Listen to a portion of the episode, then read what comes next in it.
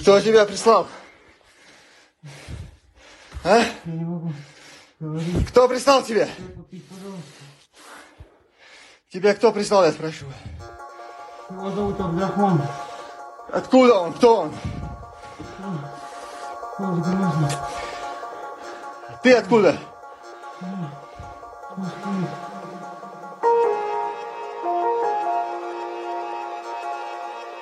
Den anfodda rösten på filmen spreds som en världsnyhet. Bloggaren hade övermannat och nästan slagit ihjäl den utsände ryske mördaren som attackerat honom. Nu, i lägenheten i Gävle, spelade han in en sorts förhör med den halvt medvetslöse förövaren och la ut det på sociala medier. Vem har skickat dig? Var kommer du ifrån? Vad heter du? Attacken i Gävle på den tjetjenske bloggaren blev en uppmärksammad nyhet världen över. Kanske inte så mycket för dådet i sig som för det faktum att mördaren i det här fallet misslyckades. I dagens avsnitt ska vi titta närmare på vad som låg bakom attacken i Gävle. Vem är bloggaren och vem är gärningsmannen? Vad var motivet? Och hur är det med aktiviteter som främmande makt bedriver i Sverige? Säkerhetspolisen ser en ökande och oroande trend.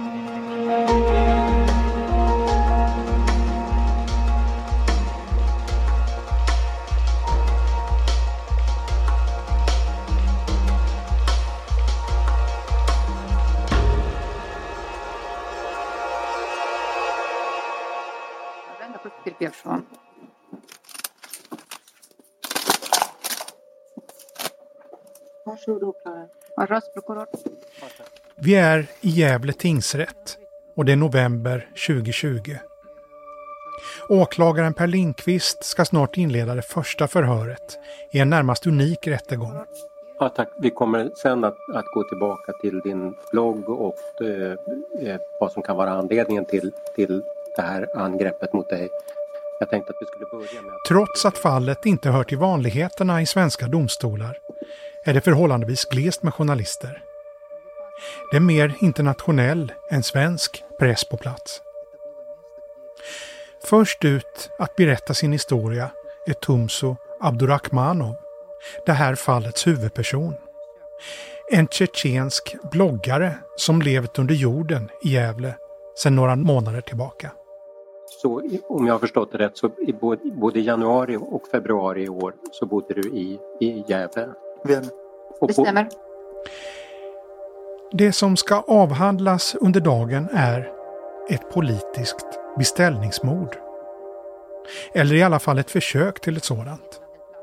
Ett dåd som verkar leda bakåt hela vägen upp till den tjetjenske presidenten.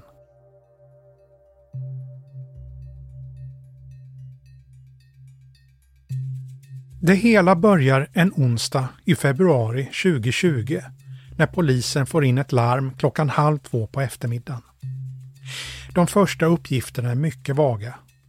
Inringaren säger att en kompis till honom ringt och bett honom ringa polisen. Men han kan varken lämna namn på kompisen eller ange var han befinner sig. Bara någonstans i vilket område. Operatören som tar emot samtalet noterar samtidigt i händelserapporten. Oklart vad som hänt. Talar bara ryska. Ytterligare ett samtal kommer in nästan samtidigt och då framgår gatuadressen. Den nya inringaren talar svenska och en annan operatör noterar nu också i en ny händelserapport. Personer har kommit in i lägenheten. En man knivhuggen. Gärningsmannen är kvar på platsen tillsammans med målsägaren. En mängd patruller beordras dit, liksom ambulansen. Det visar sig snart att första uppgiften inte stämmer. Ingen är knivhuggen. Allt blod som finns i lägenheten kommer istället från skador från slag med en hammare. Däremot stämmer det att gärningsmannen är kvar. Men vem av de två är det? För polisen är det svårt att avgöra det vid en första anblick. En man sitter på golvet, blödande från ansiktet. Han lutar sig bakåt mot väggen och är knappt vid medvetande. Den andra mannen ligger på golvet i en blodpöl. Han är knappt vid medvetande heller. Hans händer är bakbundna med tejp. En av de skadade personerna som hittas på platsen är den tjetjenske regimkritikern Tumso Abdurakhmanov. Han är 34 år och har varit på flykt från Tjetjenien sedan 2015. Han kom till Sverige 2019 efter att ha bott i Georgien och Polen och har under månaderna innan attacken hållit sig gömd i Gävle. Abdurakhmanov är dissident. En person som med fredliga medel sätter sig upp mot en totalitär regim. Han driver bland annat två Youtube-kanaler och räknar man med ryska telegram har han officiellt 350 000 följare. Men Säpo bedömer att det totala antalet personer som nås av hans budskap är mångdubbelt större. Att publiken i själva verket kan räknas i miljoner. I sina inlägg kritiserar han de ledande politikerna i Tjetjenien för maktmissbruk. Han berättar om sånt som väldigt få törs yttra sig om öppet. Han pekar på flagranta övergrepp mot invånarna, berättar om brott mot de mänskliga rättigheterna, att det förekommer tortyr, att oppositionella fängslas och ibland även mördas. Det är just sådana inlägg som lett till att han gömt sig i Gävle. Kritiken mot regimen har fått talmannen i det tjetjenska parlamentet att uttala en blodshämnd mot honom, vilket fått bloggaren att gå under jorden. Dagen när Tumso attackeras har han bott i Gävle några månader i en lägenhet med ett annat namn på dörren. Och den här dagen har han besök av en rysk kvinna i 30-årsåldern som han är bekant med sedan några månader. Hon bor inte själv i Sverige men hade tagit kontakt med bloggaren några veckor tidigare och berättat att en nära släkting troligen blivit mördad. Hon hade då frågat om hon kunde få bo hos Tomso ett tag. Och han tyckte synd om henne, hämtade henne vid flyget den 25 februari. När de kommer till Gävle äter de på en japansk restaurang och åker sedan hem till bloggarens lägenhet. Kvinnan går och lägger sig, men Tomso är vaken flera timmar till eftersom han ska redigera en ny video. Han berättar själv i tingsrätten med hjälp av tolk. Jag gick och la mig först på morgonen.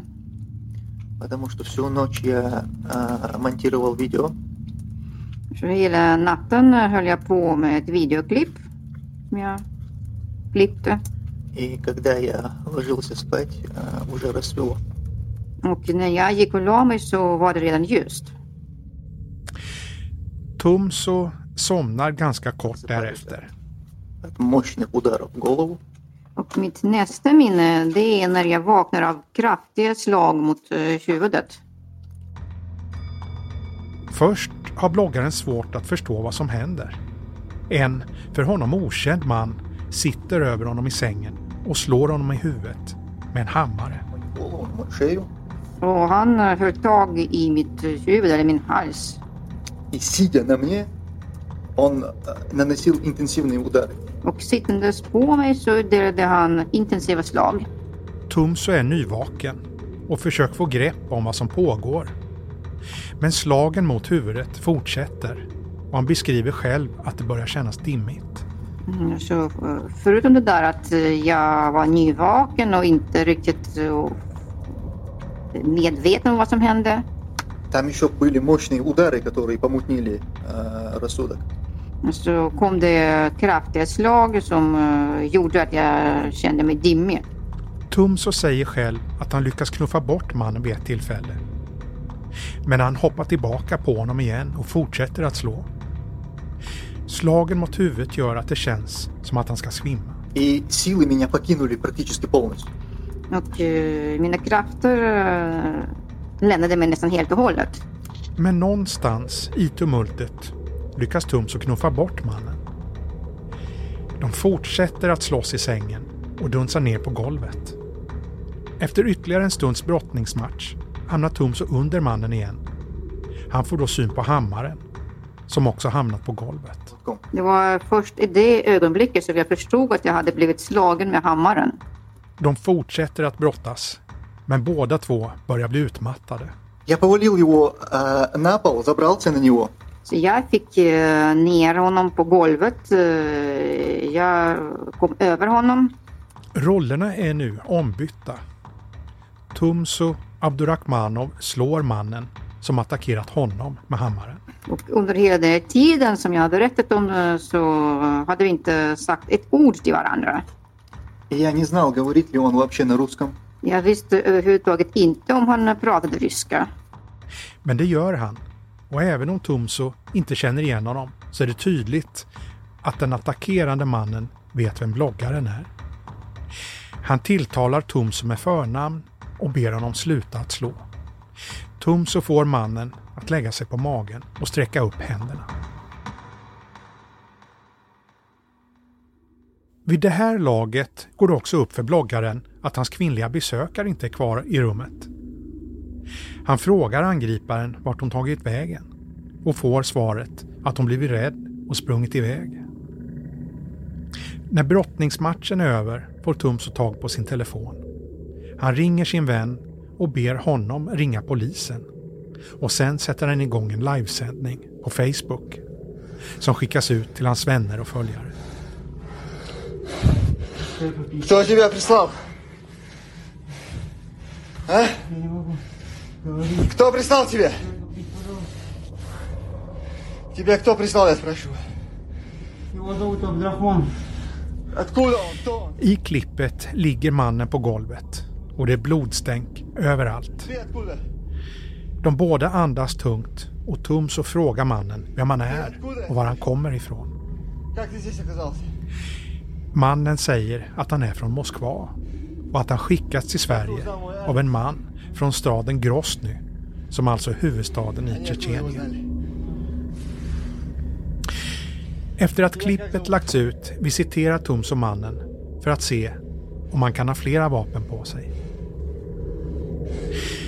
Kort därefter kommer alltså polisen till platsen. De båda skadade förs till sjukhus. Den som är svårast skadad får sövas ner. Blodprov visar att han har både kokain och metamfetamin i blodet. När han vaknar till förnekar han brott och säger att det är han som är offret. Att det är han som har blivit misshandlad i lägenheten. En historia som snart ska ändra sig. Två personer har gripits misstänkta för mordförsök i stadsdelen Andersberg i Gävle. Senare på onsdagskvällen gick polisen också ut med att åtminstone en av dem är anhållen på sannolika skäl misstänkt för just mordförsök.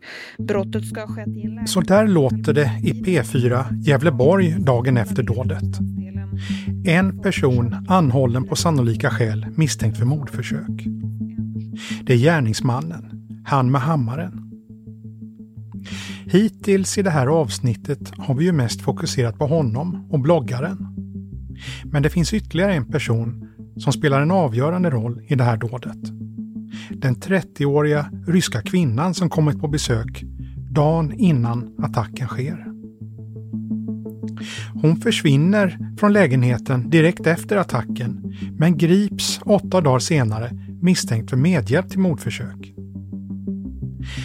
Enligt åtalet ska hon inte alls ha flytt för att hon blivit rädd. Tvärtom visste hon mycket väl vad som väntade och bidrog själv till att det skulle genomföras. Det hela ska ha planerats länge. Hon ska ha fått order om att ta kontakt med bloggaren och resa till Sverige. Under den aktuella kvällen hade hon tagit foton inifrån lägenheten och skickat till en kontakt i sin telefonbok. Senare ska hon ha fått nya instruktioner från ett okänt telefonnummer om att öppna dörren och sen släppa in gärningsmannen in i lägenheten. Han skulle lämna ett kodord när han knackade på. Han skulle säga att han kom från polisen. Den man hon släpper in är en 30 år gammal rysk medborgare som i förhör säger att han är född i Kazakstan. Att han varit mästare i karate där att han nu bor i Moskva där han driver ett företag i byggbranschen. Han säger att han aldrig tidigare gjort något kriminellt. Så småningom börjar han berätta om bakgrunden. Han säger att han blivit tvingad att utföra uppdraget. Att hoten mot honom kom från flera personer och att den som varit närmast uppdragsgivare var en ytligt bekant person, en torped som han tidigare hade fått hjälp av för att få in en obetald skuld. Uppdraget nu handlade först om att kartlägga Tomsos vardag och redan i januari, mer än en månad före själva dådet, befinner sig gärningsmannen i Sverige för att smygfilma och dokumentera bloggarens liv. Men plötsligt förändras uppdraget från kartläggning till att gärningsmannen ska mörda Tomso.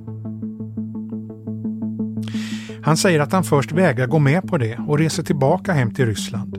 Då hotas han igen. I tingsrätten berättar gärningsmannen om hoten genom sin tolk. Och så eh, berättade du att du inte ville göra det här och då så sa han att då förklarade han lugnt att du skulle göra det och sen så sa du att han, att han hotade dig. Vad, vad var det han, hur hotade han dig?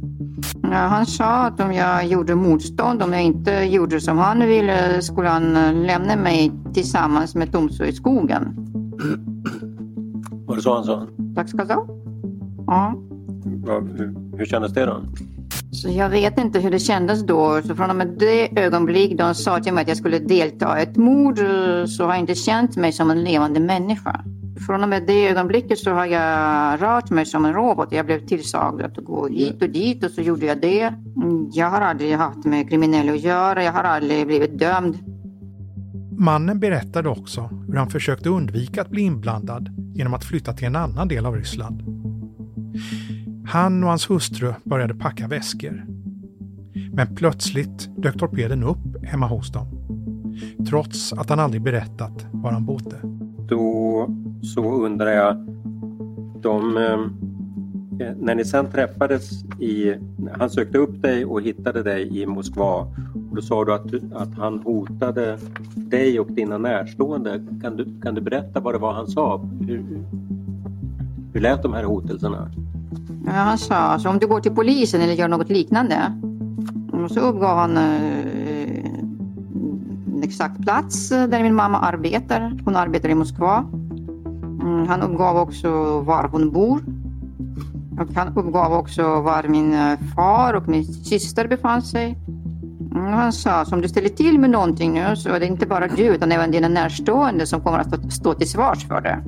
Och eh, han såg ju att min hustru och jag redan eh, hade börjat packa. Han såg de packade väskorna och han sa även om du tar dig till världens ände så glöm inte att dina närstående finns här.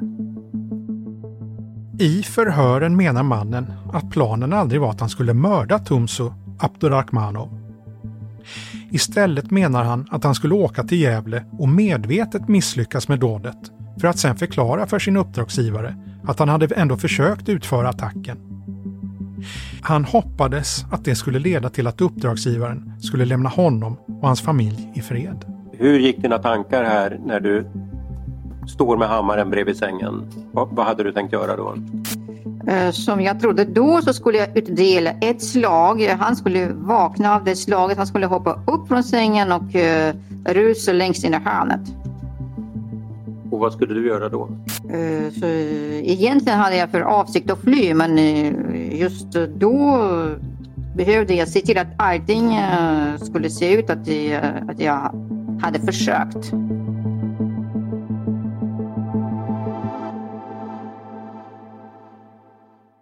Vi ska återvända till gärningsmannens förklaring och attacken i Gävle lite senare i avsnittet. Men innan vi gör det behöver vi ägna några minuter åt den konflikt som försatt bloggaren i en position där han behövt fly till Gävle för att gå under jorden. Konflikten vi pratar om gäller kriget i Tjetjenien. Tjetjenien ligger i sydvästra Ryssland och är en delrepublik i den ryska federationen. Regionen har länge haft en ansträngd relation till Moskva och deras kamp för självständighet har flera gånger lett till fullskaligt krig. De bakomliggande faktorerna till konflikten i Tjetjenien sträcker sig egentligen hela vägen bak till Stalin. Men det är under 90-talet som striderna eskalerar när regionen utropar självständighet. Det går inte Ryssland med på och 1994 leder splittringen till väpnad konflikt. Två år senare sluts ett fredsavtal, men fem år därpå bryter nya stridigheter ut. Det är då en av nyckelfigurerna i den här berättelsen gör entré. Ahmed Kadyrov, en muslimsk präst och befälhavare som slagits för Tjetjenien mot Ryssland i det första kriget. Kadyrov har alltså varit en av frontfigurerna i kampen för självständighet. Men när kriget nu tar fart igen gör han en helomvändning och lierar sig istället med Ryssland och Putin. Snart därefter lugnar striderna ner sig, men Tjetjenien är splittrat. Vissa gläds åt att de väpnade striderna verkar vara över. Andra ser det som att ledaren för motståndskampen förrått sitt folk och hoppat i säng med fienden. Kritikerna är en brokig skara. Vissa är separatister som fortsatt vill se väpnad kamp mot Ryssland. Andra är jihadister som vill att Tjetjenien ska bli en region med islamskt styre och vissa är både och. 2004 dödas Ahmed Kadyrov i ett bombdåd. Чеченской республике вспоминают первого ее главу Ахмата Кадырова. Сегодня ему исполнилось бы 66. Kort därefter tar hans son Ramzan Kadyrov, inte ens 30 år fyllda, över presidentposten i regionen. En position han sitter på än idag. Under Kadyrov den yngre har läget i Tjetjenien stabiliserats, men också kantats av en hänsynslös jakt på meningsmotståndare vilket lett till att många flytt till europeiska länder. Kadyrovs jakt på dissidenter är en av anledningarna till att mordförsöket på bloggaren i Gävle fått så stor uppmärksamhet i internationell press. Attacken mot den tjetjenske bloggaren påminner nämligen på många sätt om några andra uppmärksammade fall i Europa de senaste åren, där exiltjetjener attackerats. Under de senaste 18 månaderna finns det tre fall som sticker ut. Alla med dödlig utgång. Willkommen zu den Nachrichten hier bei Welt und wir kommen direkt zu einer Eilmeldung. Es gibt nämlich in Berlin gerade einen Polizeieinsatz. Offenbar hat ein Fahrradfahrer im Stadtteil Moabit einen Mann erschossen. Laut Polizei ist der Mann trotz Wiederbelebungsversuchen gestorben. Die Tat soll sich gegen 12 Uhr mittags ereignet haben. Fall nummer ett äger rum i Berlin, Tyskland, i augusti 2019.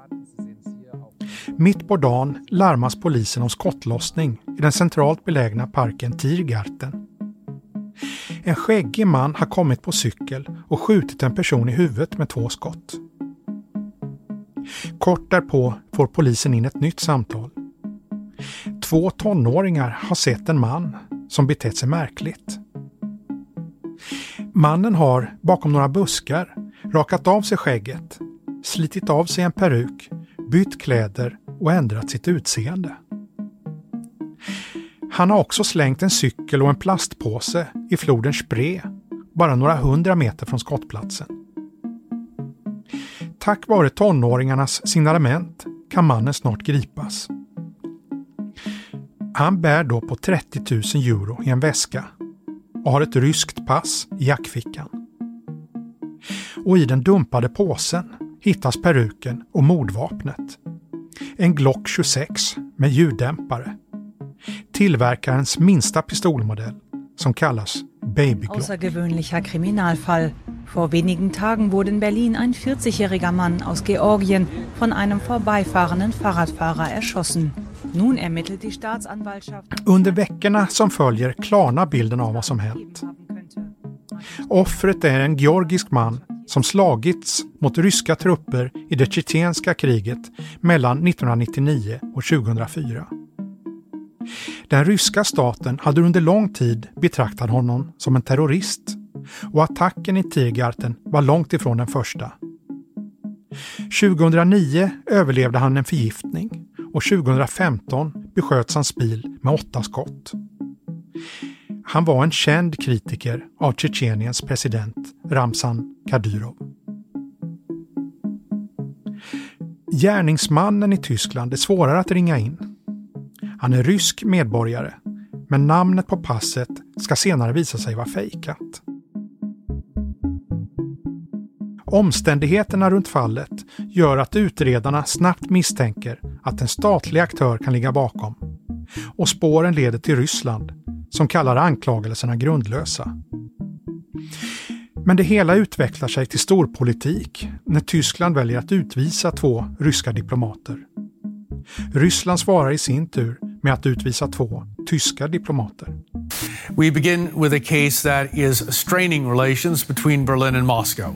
A long awaited trial has opened here in Berlin of a Russian man charged with the contract killing, apparently ordered by the Kremlin, of a 55 year old. He's accused of the daylight shooting of a former Chechen commander in a park here in Berlin.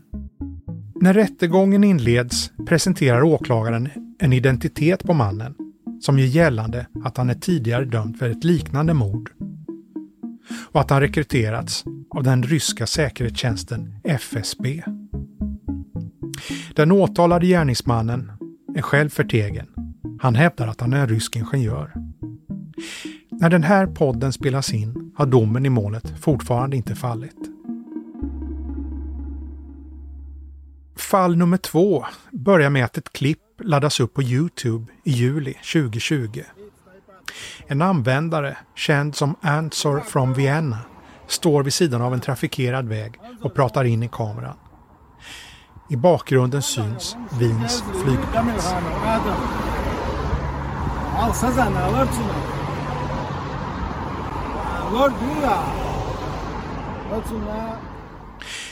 Mannen i klippet heter Mamikan Umarov. Han har bott i Österrike flera år och levt under falsk identitet. Men i klippet framträder han under sitt riktiga namn och vänder sig direkt till Ramzan Kadyrov, Tjetjeniens president. Skicka din starkaste man och försök döda mig, säger Umarov rakt in i kameran. Två dagar senare skjuts Umarov utanför ett köpcenter i Wien. De misstänkta gärningsmännen som grips kort därefter är två tjetjenska män som bott i Österrike i flera år. Polisen vill inte slå fast om det finns ett politiskt motiv bakom den attacken.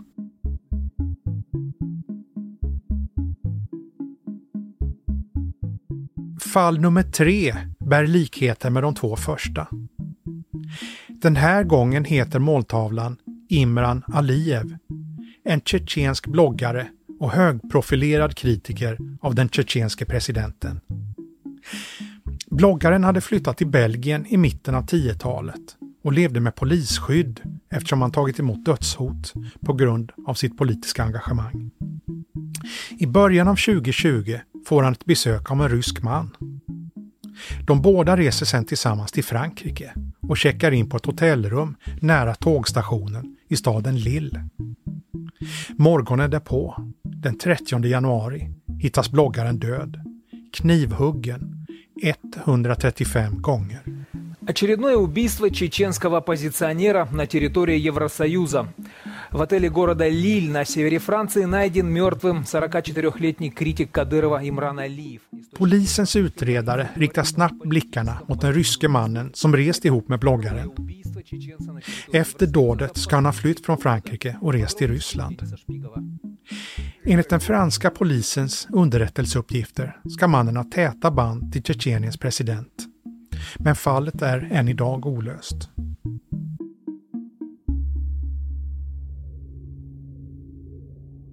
Hur hänger egentligen de här tre fallen ihop med mordförsöket i Gävle? Det går att hävda att det är separata incidenter som inte har med varandra att göra.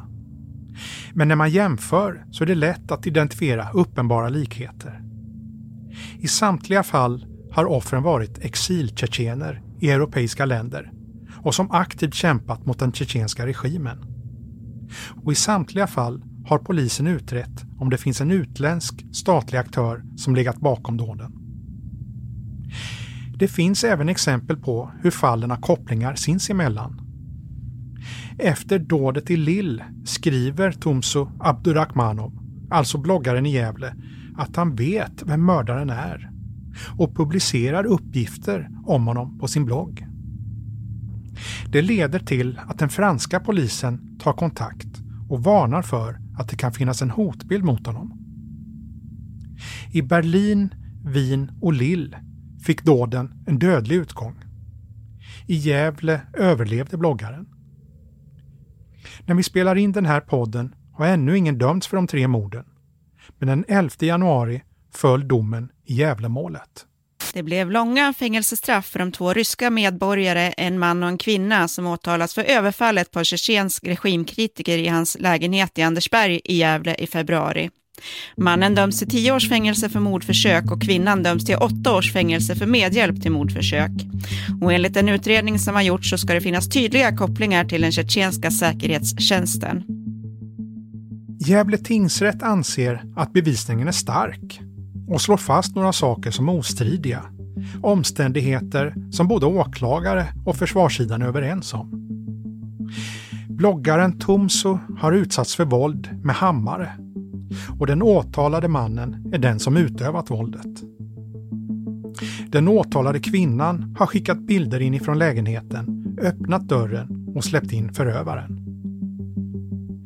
Gärningen har föregåtts av en noggrann och omsorgsfull planering, sägs det vidare i domen. Det har varit möten i Grosny, Moskva och i Italien. Det har förekommit flera resor med flyg och tåg. Man har köpt en personbil i Litauen och transporterat den till Sandviken. Det har varit en rekognoseringsresa till Gävle. Det har varit omkostnader för hotell och fickpengar. Utgifterna har uppgått till omkring 180 000 kronor. Och gärningsmannen har därutöver erbjudits sammantaget 60 000 euro. Alltså 600 000 kronor som betalning. Gävle tingsrätt slår fast att det handlar om ett beställningsjobb och skriver i domen. Det framstår som självfallet att det ligger en penningstark makt bakom denna planering och dessa omkostnader. En bild som chefsåklagare Per Lindqvist menar är kristallklar tack vare en gedigen polisutredning. Både Säkerhetspolisen och, och även, som är, det är lätt att glömma bort det, men även den lokala polisen i Gävle eh, som hade ärendet initialt har gjort, båda de myndigheterna har gjort ett mycket eh, gediget arbete för att skapa klarhet i Eh, både vad som hände i lägenheten förstås, men också orsaken till angreppet och hur, eh, hur det här har, har planlagts eh, från främmande maktsidan. Eh, och det är en, en gedigen utredning eh, och jag skulle säga att den är eh, faktiskt kristallklar i, i vad gäller motivet och, och vad som har föregått det här. Gävle tingsrätt slår fast att det finns flera saker som pekar på att det rör sig om ett planerat kontraktsmord. Det faktum att gärningsmannen inte har någon relation till offret är en sån detalj. Den enda motivbilden som finns är bloggarens kritik mot de styrande i den ryska delrepubliken Tjetjenien. Och den blodshämnd som talmannen uttalar i en video som spritts på sociala medier. Den åtalade mannen fälls för försök till mord och döms till tio års fängelse och utvisning. Kvinnan fälls för medhjälp till mordförsök och döms till åtta års fängelse och utvisning även hon. Det innebär att åklagaren Per Lindqvist får bifall för hela åtalet. Han vill samtidigt understryka att attacken kunde ha slutat på ett helt annat sätt. Ja, det, det är helt klart eh, att målsäganden inte har drabbats av särskilt allvarliga eh, fysiska skador. Men jag är helt övertygad om att om inte, om inte målsäganden hade lyckats eh, eh övermanna eh, den här personen eh, som angrep honom med hammare, då eh, hade det här slutat med ett, ett eh, fullbordat mord. Och då tror jag att det här hade blivit mycket, mycket svårt att, att utreda om det inte bara hade, hade slutat med ett mord utan också att den här personen hade kunnat eh, lämna lägenheten eh, och eh, hade haft ganska eh, goda möjligheter att, att helt enkelt försvinna ut ur landet. Så att det, det är ju tillfredsställande inte bara att, eh, att jag kunnat utreda det här utan också att, att målsäganden inte, inte fick mer allvarliga skador än, än, än vad han nu fick. Hur högt upp i ledningen i Tjetjenien sträcker sig det här? Ja, det sträcker sig eh, till det, den absoluta eh, högsta ledarskiktet i Tjetjenien. Eh, som tingsrätten skriver så, så eh, har ju eh, talmannen i Tjetjeniens parlament uttalat en blodshämnd mot, mot målsäganden så att vi rör oss i den en, absolut högsta eh, delen av, av eh, makttriangeln eh, i Tjetjenien. Makttriangeln, det betyder? Det betyder eh, en, en, en den, den, den, den översta triangeln där, där talmannen i, i Tjetjenien ingår. Vad tycker du om eh, tingsrättens dom nu? Jag tycker att den är eh, välskriven och eh, välmotiverad och jag tycker att den har eh, att tingsrätten på ett, på ett klart och tydligt sätt har redovisat hur man har eh, tänkt och varför man har dragit de slutsatser man har dragit. Jag, eh, eh jag tycker på, på, det sättet så tycker jag att det är en utmärkt dom. Chefsåklagare Per Linkvist tycker alltså att det är en utmärkt dom. Advokat Gustav Andersson, som företräder den dömde förövaren, har en annan uppfattning. Han menar att tingsrätten gjort en felbedömning på väsentliga punkter. Själva uppsåtet och brottsrubriceringen. Hans klient erkänner attacken och har berättat om planeringen och hur han fick uppdraget och hur han gick tillväga. Gärningsmannen hade visserligen sagt att han skulle utföra mordet. Men han gjorde det för att både han och hans familj hemma i Ryssland var hotad. Han menar att han var tvungen att genomföra dådet. Men han hade aldrig tänkt fullborda mordet, hävdar han, utan bara försökt slå så att det uppstod blödande sår för att sen kunna springa därifrån. Och sen säga till uppdragsgivaren att han misslyckats. Han går med på att det rör sig om grov misshandel, ett brott som kanske bör ge omkring tre års fängelse. Inte tio år för mordförsök och inte utvisning. Advokat Gustav Andersson är därför inne på att överklaga domen. Ja, alltså det som är det största felet är att tingsrätten tycker att det är ställt utom rimligt tvivel att han haft för avsikt att, att, att döda honom. Eh, hans avsikt har ju eh, bara inom situationstecken varit att, att skada honom i den här och göra sig skyldig till en grov misshandel. Det erkänner han ju. Tingsrätten tycker till exempel att det är ett bevis för att han har haft den här avsikten med döda, att han har gjort sökningar på var på kroppen man, det är farligt att slå då. Eh, vi argumenterar för att visst, han har gjort en sökning i precis i syfte att veta var han ska slå för att det inte ska döda. Och sen slår han ju på ett sånt ställe också på kroppen. Han står ju, slår ju med hammaren mitt uppe på skalpen. Han slår inte i tinningarna, han slår inte i, i näsan fast han har alla möjligheter att göra det. Här. Alltså näsbenet och tinningarna, där är det ju farligt att slå då, eh, såklart. Eh, det är det han får, får svar på vid den här sökningen Men ovanpå skalpen, alltså där är ju pannan, skalpen, det är där han träffar mig det här slaget. Eh, där är det mindre farligt att, att slå. Ehm, och sen så är det dessutom ett snett träffande slag. Det är inte ett liksom slag rätt ner i, i huvudet utan det är ett snett träffande slag. Allt det här tekniska talar för att det är som han säger. Just det. Och nu har det ju varit en del här bakom stängda dörrar men, men som jag har förstått det här så har han sagt någonting i stil med att han nu inte kan återvända tillbaka till Ryssland? Eftersom det var han... inte någonting som var inom stängda dörrar utan det vill han ju tvärt emot att hela världen ska veta att han absolut inte kan återvända till Ryssland. Det kommer ju inte bli särskilt långlivad. Det är ju synnerligen anmärkningsvärt att han utvisas också. Ja, det... hur, ser, hur ser du på han utvisningsbeslutet? Ja, katastrof. Det är en dödsdom för honom.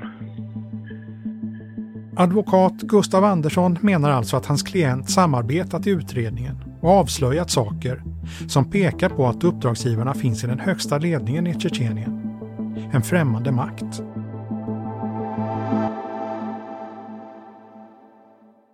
Eftersom det tidigt i utredningen kunde misstänkas att en statlig aktör kunde ligga bakom mordförsöket hamnade utredningen hos Säpo. Hur vanligt är det egentligen att främmande makt bedriver verksamhet i Sverige? Vilka länder håller på med sånt?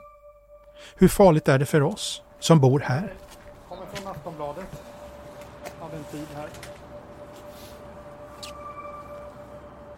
Säkerhetspolisens högkvarter ligger i Solna. Det är en modern kontorsbyggnad på sju våningar, arbetsplats för cirka tusen anställda. När vi knappar in adressen på Google Maps leder den oss rätt. Men på den tillhörande bilden är själva byggnaden blurrad, som om den vore försvunnen i ett moln. Ja, men du är det ett tag sedan. Receptionen uppe till vänster Utanför entrén står en skyddsvakt och det krävs föranmälan för att få komma in. När besökaren kontrollerats i relevanta register förs ens namn upp på en sorts gästlista som vakten utanför dubbelkollar mot legitimation innan entrédörren kan öppnas. Hej, har Jag plockar bort mitt läge. Jag ska ta fram det igen. Inga fara. Sen går det rulltrappor upp till själva foajén där besökare återigen får anmäla sig hos en vakt bakom glas. Mobiltelefonen kan jag inte ta med mig eller? Det sa du får ha med dig mobilen. Men det är upp till dig Man får lägga sin legitimation i en låda som vakten drar in och kontrollerar. Och som man får tillbaka ihop med en besöksbricka som ska bäras synligt. Jag har med mig allt jag har. Namnbricka. Namnbricka och mobil fick jag ha med mig också. Mobil fick du med dig också. Ja. Men då ska vi röra oss hitåt. Ja. Vi är här för att träffa Daniel Stenling, chef för kontraspionaget vid Säpo. Han menar att dåd som liknar det som skedde i Gävle, att främmande makt försöker mörda oppositionella, är något som internationellt ökat under de senaste åren. Ju, vi ser ju en oroande trend eh, från Säkerhetspolisen när vi tittar liksom runt omkring oss och i andra länder där vi ser att det finns en, en, en ökning av den här typen utav eh, brott, så att säga, där man går så pass långt så att man försöker eller till och med mördar andra eh, människor eh, i andra länder. Då. Så det, det är liksom en, en, en, trend som vi ser och den tycker vi är oroande. Sen hänger ju den här ihop utifrån vår bedömning med det som vi från Säkerhetspolisen har sagt nu under en ganska lång tid att vi ser ett, ett ökade aktiviteter från främmande makt som riktar sig mot eh, eh också Sverige. Och då pratar vi ju om eh, utifrån eh, kontraspionagets del att vi ser olovlig underrättelseverksamhet, alltså spioneri mot Sverige, eh, som riktar sig mot en mängd olika sektorer. Mm, det handlar ju dels om sektorer som har med Sveriges ekonomi och konkurrenskraft att göra. Vi ser på, mot det politiska beslutsfattandet. Eh, vi ser också liksom militärt spioneri mot, eh, som riktar sig i, i en förlängning mot vår territoriella frihet. Och vi ser också den, här typen av eh, aktiviteter när man riktar in sig på individer i Sverige där man då försöker kartlägga dem. Eh, och det är ju ett hot mot eh, i grunden egentligen vårat eh, våra grundläggande fri och rättigheter och som också ligger som grund för hela vårt demokratiska system. Eh, och det är egentligen det samhälle som vi vill ha i Sverige med ett öppet demokratiskt fritt samhälle eh, där vi värdesätter eh, grundläggande fri och rättigheter för individen. Enligt Daniel Stenling ser Säpo framförallt tre länder som bedriver underrättelseverksamhet i Sverige. Det handlar om Ryssland, Kina och Iran. Att det är just de här länderna har, enligt Stenling, delvis att göra med att de har uttalade ambitioner att stärka sin makt och sin roll globalt. Men det finns också specifika anledningar till att de riktar sig mot just Sverige. En av anledningarna är att det kan finnas individer här som de här regimerna uppfattar som ett hot. Ja, när, när det riktar sig mot, mot individer så handlar det i stort sett alltid om att egentligen, det handlar om makt kan man säga. Det handlar om att säkerställa makten för den, den egna regimen. Och när man då uppfattar att individer gör saker eh, som hotar den, eh, det maktmonopolet, då eh, riktar man eh, ett intresse av att veta vad de här individerna gör och i slutändan så, så kan det också leda till mycket allvarliga konsekvenser där man försöker tysta de här individerna och i, enskilda fall då att man går så långt till och med så att man försöker helt enkelt att, att ta livet av de här människorna. Vilket är otroligt allvarligt, eh, allvarliga aktiviteter. Hur arbetar de generellt, de här länderna? Eh, man ska klart för sig att de här länderna är otroligt resursstarka. De har mm, sina underrättelse och säkerhetstjänsterna till sitt förfogande. Eh, och det, då pratar vi om tusentals människor som arbetar på de här tjänsterna. Eh, många miljoner som man lägger ner på, på att, att kunna bedriva den här verksamheten. Eh, men sedan är det som så att de har ofta hel, möjlighet att egentligen få hela samhällets uppbackning. Eh, därför att de kan styra alla delar i samhället. Så det innebär liksom att de kan styra privata företag, de kan styra enskilda medborgare, de har sina underrättelse och säkerhetstjänster. Så egentligen kan de rikta väldigt mycket olika verksamheter mot eh, exempelvis Sverige för att eh, uppnå de mål som man har. Sen är det en väldig bredd utav metoder. Det är allt ifrån att man försöker, eh, som vi brukar kalla värva, alltså komma komma eh, nära individer och, och, som har känslig information som man sen då kan eh, dela med sig till de här länderna. Men likaväl så kan man jobba utifrån ehm, eh, alltså de, de, de digitala arenorna som handlar liksom om eh, cyberangrepp och annat för att komma över då, den informationen. Så det är en väldigt bredd av, av metoder och eh, olika aktörer som kan använda sig av. När vi besöker Säpo har domen ännu inte fallit i målet med den tjetjenske bloggaren i Gävle. Och Daniel Stenling vill därför inte gå in så detaljerat och kommentera just det fallet. Men när vi pratar generellt om hur främmande makt arbetar så finns det en hel del detaljer som känns igen även i det här ärendet. Ett exempel är hur gärningsmannen i Gävle har rekryterats. Inget tyder på att han är anställd vid någon säkerhetstjänst. Istället har förövaren, enligt åtalet, fått betalt just för det här uppdraget. Som han känt sig tvungen att tacka ja till eftersom han och hans familj hemma i Ryssland utsatts för hot. Han har sagt i förhören att han är en enkel småföretagare i byggbranschen som aldrig begått några brott tidigare. Första gången han kom i kontakt med sin närmaste chef i det här upplägget var när han behövde hjälp med att driva in en skuld. Indrivaren lyckades få in pengarna den gången. Sen plötsligt en dag hade han återkommit till företagaren och sagt att de båda skulle råka illa ut om de inte genomförde mordet på bloggaren. Men ett sådant förhållande, att enskilda får göra det smutsiga jobbet åt regimer, är inte alls ovanligt. Det är något som Säkerhetspolisen tvärtom ser som en etablerad arbetsmetod. Dessutom så har man ju den möjligheten att jobba då via eh, vad vi brukar kalla proxy, det vill säga att man använder sig av andra som inte har en direkt koppling till eh, som, eh, eller som har en koppling till, till underrättelsetjänsten men inte jobbar för, för tjänsten så, de är inte anställda där.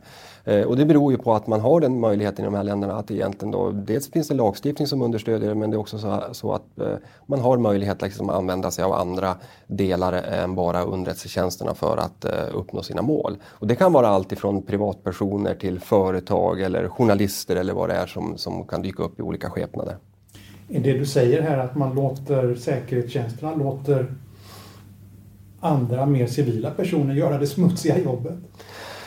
Ja, alltså när det, när det handlar om underrättelseverksamhet generellt så är det inte alls sällan som man faktiskt har någon form av mellanhand för att dölja vem det är som är mm, den, den riktiga avsändaren eller den som ligger bakom verksamheten. Därför att det här är ju ljusskygg verksamhet och man gör ju vad man kan för att dölja eh, den egna statens engagemang i frågorna. På 15 år har nära ett dussin tjetjener blivit utsatta för mordattentat runt om i Europa för att de anses vara ett hot mot regimen. Attacken mot bloggaren i Gävle hade kunnat bli ytterligare ett mordfall i den statistiken. Sverige är inte förskonat från operationer genomförda av främmande makt, men det är ovanligt. Ett uppmärksammat fall gällde mordförsöket på imamen Obid Nazarov som sköts i bakhuvudet i en trappuppgång i Strömsund i Jämtland. Han var en ledargestalt för oppositionen i Uzbekistan och överlevde attacken men fick svåra hjärnskador. I det fallet greps en man i Ryssland som senare dömdes till 18 års fängelse och i domen slog tingsrätten fast att mordförsöket genomförts på beställning. Mycket tydde på att den usbekiska staten var uppdragsgivare. Det här var 2012. Innan dess behöver vi gå tillbaka ända till 1985 för att hitta något liknande. Då mördades två irakiska dissidenter och spåren pekade mot Saddam Husseins regim. Attacken mot bloggaren i Gävle hör alltså inte till vanligheterna. Men att stater sänder uppdragsmördare till Sverige är något som Säpo ser mycket allvarligt på. Men det här är mycket allvarlig brottslighet. Eh, dels är ju liksom grundbrottet allvarligt, det vill säga eh, olovlig underrättelseverksamhet mot person. Eh, det brottet är allvarligt utifrån flera olika aspekter. Eh, bland annat så att, säga, att det riktas mot eh, enskilda individer som kan fara väldigt, väldigt illa. Eh, och det andra är att det är ju stater som ligger bakom det här. Det är allvarligt i sig med hela den resurs och den förmåga man har som man riktar in, sig mot, eh, riktar in mot en individ. Och det tredje det är att de, det här brottet eh, ofta underminerar våra grundlagsskyddade fri och rättigheter. Yttrandefrihet och rätt att bilda opinion. Och det drabbar hela vårt demokratiska system när individer i Sverige inte vågar, vågar mm, använda sig av de här. Så det drabbar liksom hela Sverige. Men när man dessutom drar det så eh, till den spetsen att man försöker eh, mörda en individ eh, baserat på den här informationen man har, då har man ju dragit det också väldigt långt eh, och det är otroligt allvarligt ska jag säga att, att eh, eh bedriva sån här verksamhet.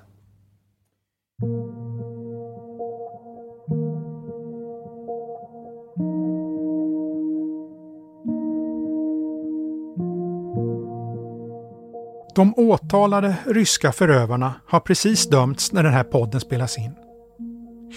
De har också dömts till utvisning efter avtjänat straff. Både mannen och kvinnan har motsatt sig det. Mannen säger att han har för avsikt att söka asyl i Sverige. Men enligt domen är det sedan tidigare fastställt av Migrationsverket att Italien är ansvarig stat för hans asylansökan. Kvinnan har yrkat att hon utvisas till Frankrike. En fråga tingsrätten menar får vänta tills det blir dags att verkställa utvisningen. Gävle tingsrätt säger i domen att ingen av dem har någon anknytning till Sverige. Att de har kommit hit enbart för att begå brott mot bloggaren. Rätten ser inga skäl som talar emot utvisning och därför ska de utvisas och förbjudas att komma tillbaka till Sverige. Den attackerade bloggaren Tomso. Brottsoffret. Vad händer med honom? Enligt hans målsägande beträde Jens Sjölund lider han fortfarande av attacken. Han har återkommande huvudvärk, tinnitus och smärtor i ryggen. Jens Sjölund menar att gärningsmannen borde ha straffats hårdare. Jag tycker, och har också yrkat, ett 16-årigt fängelsestraff det hade varit mer paritet med vad han har gjort utifrån, särskilt utifrån planeringen i, i, i målet och att det kommer från en, en annan stat. När vi spelar in den här podden har Tomso nyss sökt uppehålls och arbetstillstånd. Men Migrationsverket har ännu inte fattat något beslut. Advokat Jens Sjölund menar att dödshoten mot hans klient bara blivit värre. Tomso befinner sig därför på hemlig ort. Det uh, har kommit ytterligare videoinspelningar från höga politiker i uh, tjetjenska politiker som, som uttalar hot inte bara mot Tomso utan mot alla som är regimkritiker på det här sättet. Och, och vad går de hoten ut på? Eh, att de ska undanröjas. Mördas med andra ord? Mm.